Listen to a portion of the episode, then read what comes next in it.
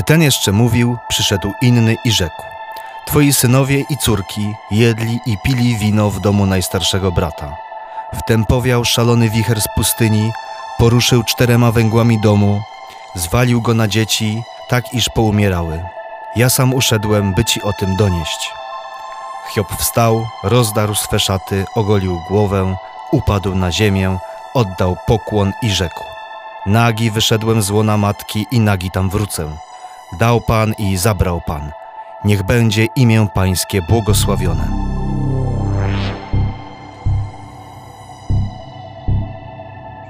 Spotkanie trzecie. Śmierć najbliższych.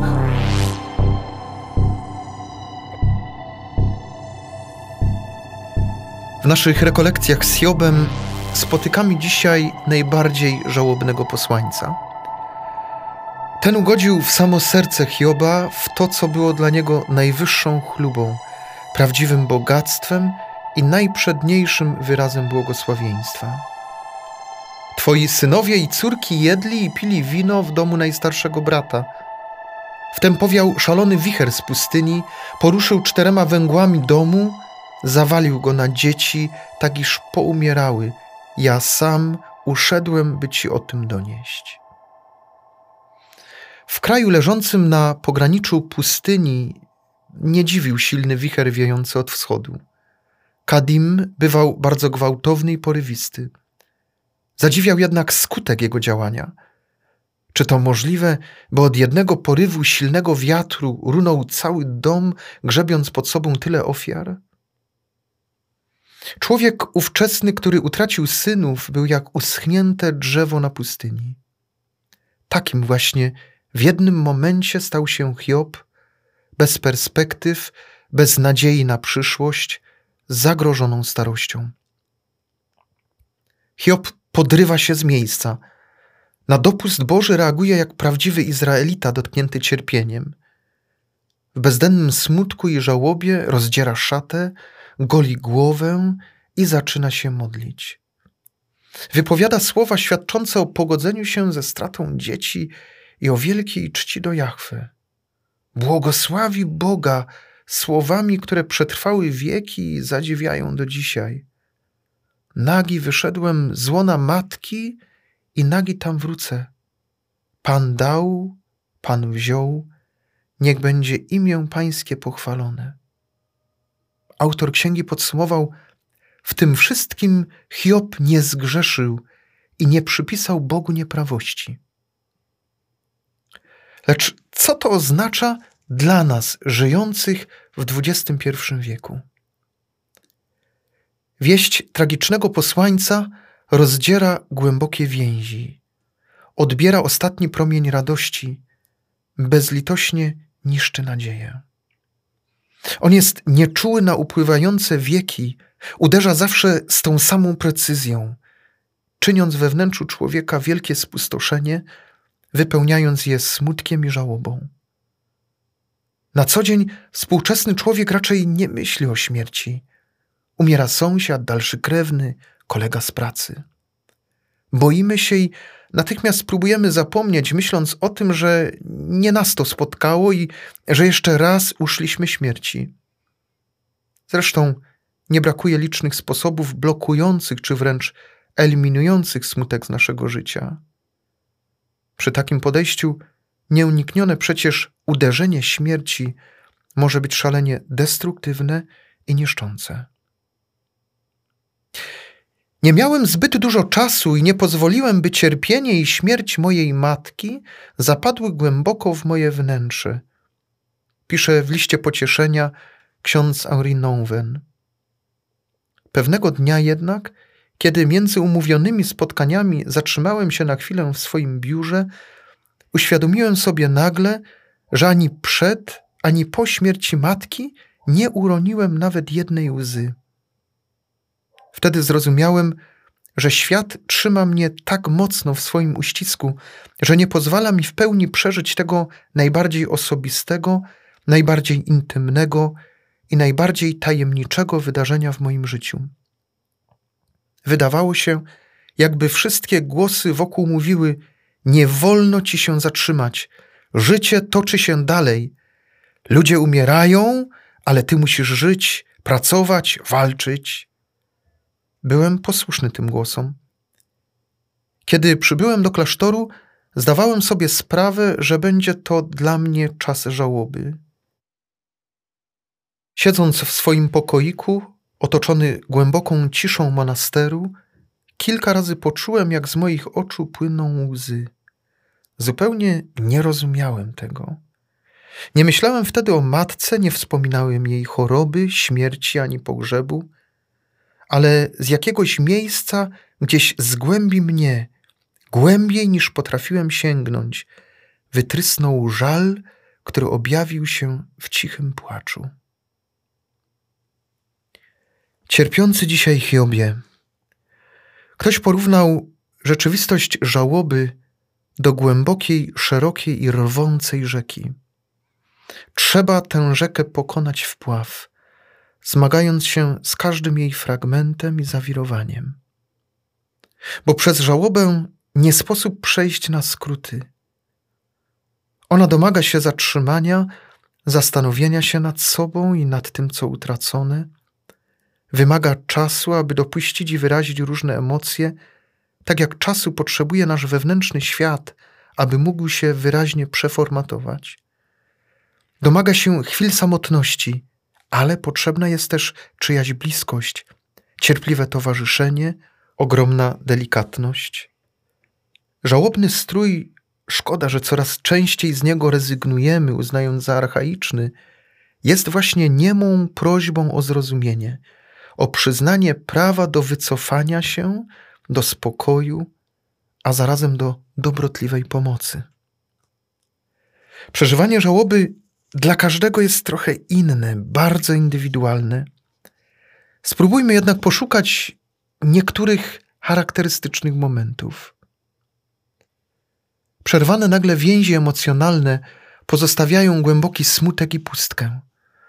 Czuję się teraz jak odcięty od pnia, wykorzeniony, w sercu mam krwawiącą ranę.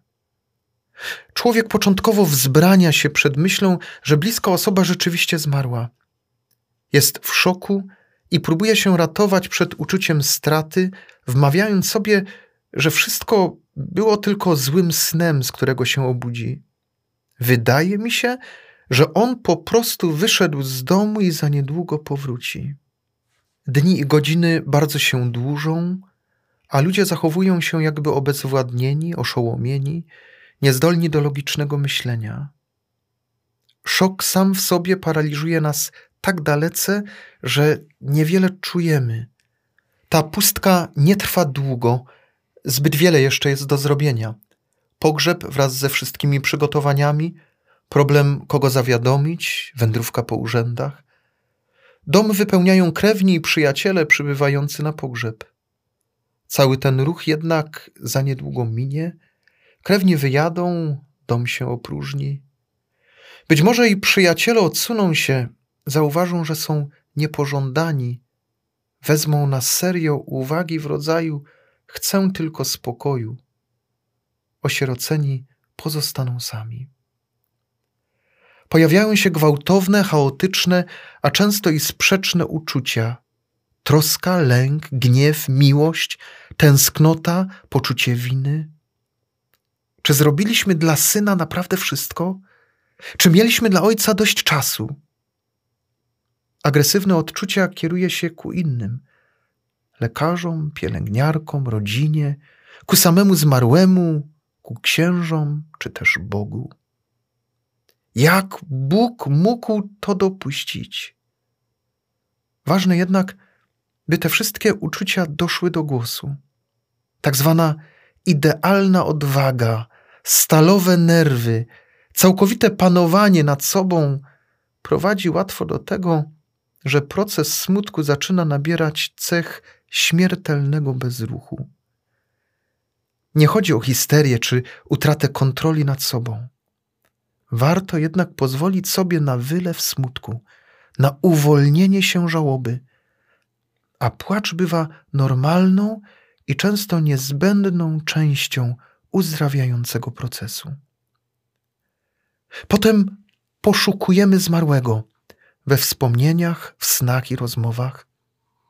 Etap ten może trwać miesiącami. Idziemy ulicą i widzimy kogoś, kto był bliskim przyjacielem zmarłego. Siadamy do kościelnej ławki, a miejsce obok nas jest puste. Przeszywa nas ból, który wciąż musi być wypowiadany. Przez dobro i zło, które pozostawił, nasz bliski żyje nadal w naszym życiu.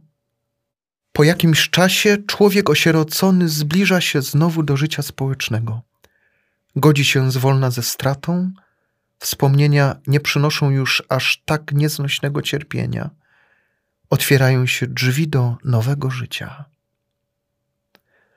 Ogromnie trudną, ale jakże ważną sprawą jest właściwe towarzyszenie osobie pogrążonej w żałobie.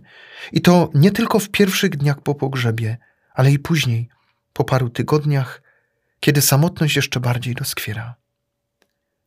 Wspierającym z reguły dość łatwo przychodzi znosić uczucia lęku i troski, podczas gdy odsuwają od siebie wściekłość i gniew, które przecież również towarzyszą przeżywaniu żałoby.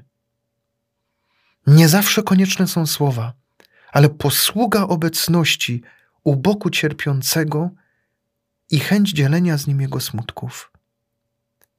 Będąca w żałobie osoba pragnie rozmawiać o zmarłym, wyrażać żal. Nie jest to odpowiedni czas na chiobowych przyjaciół udzielających szablonowych odpowiedzi. Jeśli obecność nie ma być jedynie formalnym zabiegiem, czy też, nie daj Boże, obecnością chiobowego mędrca z gotową, zagłuszającą pytanie odpowiedzią na każdą wątpliwość i rozterkę. Człowiek towarzyszący powinien posiadać cechy prawdziwego przyjaciela i dobrego słuchacza. Dobry słuchacz jest w stanie jedynie przyznać, że strata oznacza ciężkie brzemię, głęboką żałobę i wywołuje prawdziwe cierpienie. Jest tym kimś, kto pozwala otwarcie rozmawiać o żalu i stracie, nie próbując przy tym na siłę przeciwdziałać ujawnianiu się emocji, tak boleśnie domagających się uwolnienia. Być może, drogi słuchaczu, żałobny Hiob pomoże ci odkryć, że miłość nie istnieje bez smutku, a przyjemność bez bólu, że prawdziwy zysk nie jest możliwy bez jakiejś straty. Kto wie, może byłoby bezpieczniej nigdy nie zaznać miłości, aby nigdy nie cierpieć po stracie. Może mniej bolesne byłoby sztuczne stłumienie swojej świadomości niż przechodzenie przez boleść żałoby. Ale tak naprawdę przyznaj, jaki sens miałoby nasze życie bez świadomej miłości? Nagi wyszedłem z łona matki i nagi tam wrócę. Pan dał, Pan wziął, niech będzie imię Pańskie pochwalone. Umiejętnie wsparta i właściwie przeżyta żałoba pozwala zrozumieć, że bez szczerych więzi, bez prawdziwej miłości czy przyjaźni, nigdy nie bylibyśmy naprawdę żywi i ludzcy.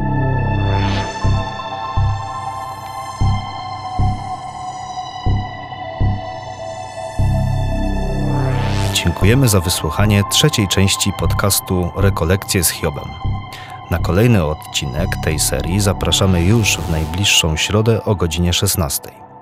Zapraszamy również w sobotę do naszego cyklu Dobre Słowo, gdzie usłyszeć można krótkie rozważanie dotyczące Ewangelii z nadchodzącej niedzieli.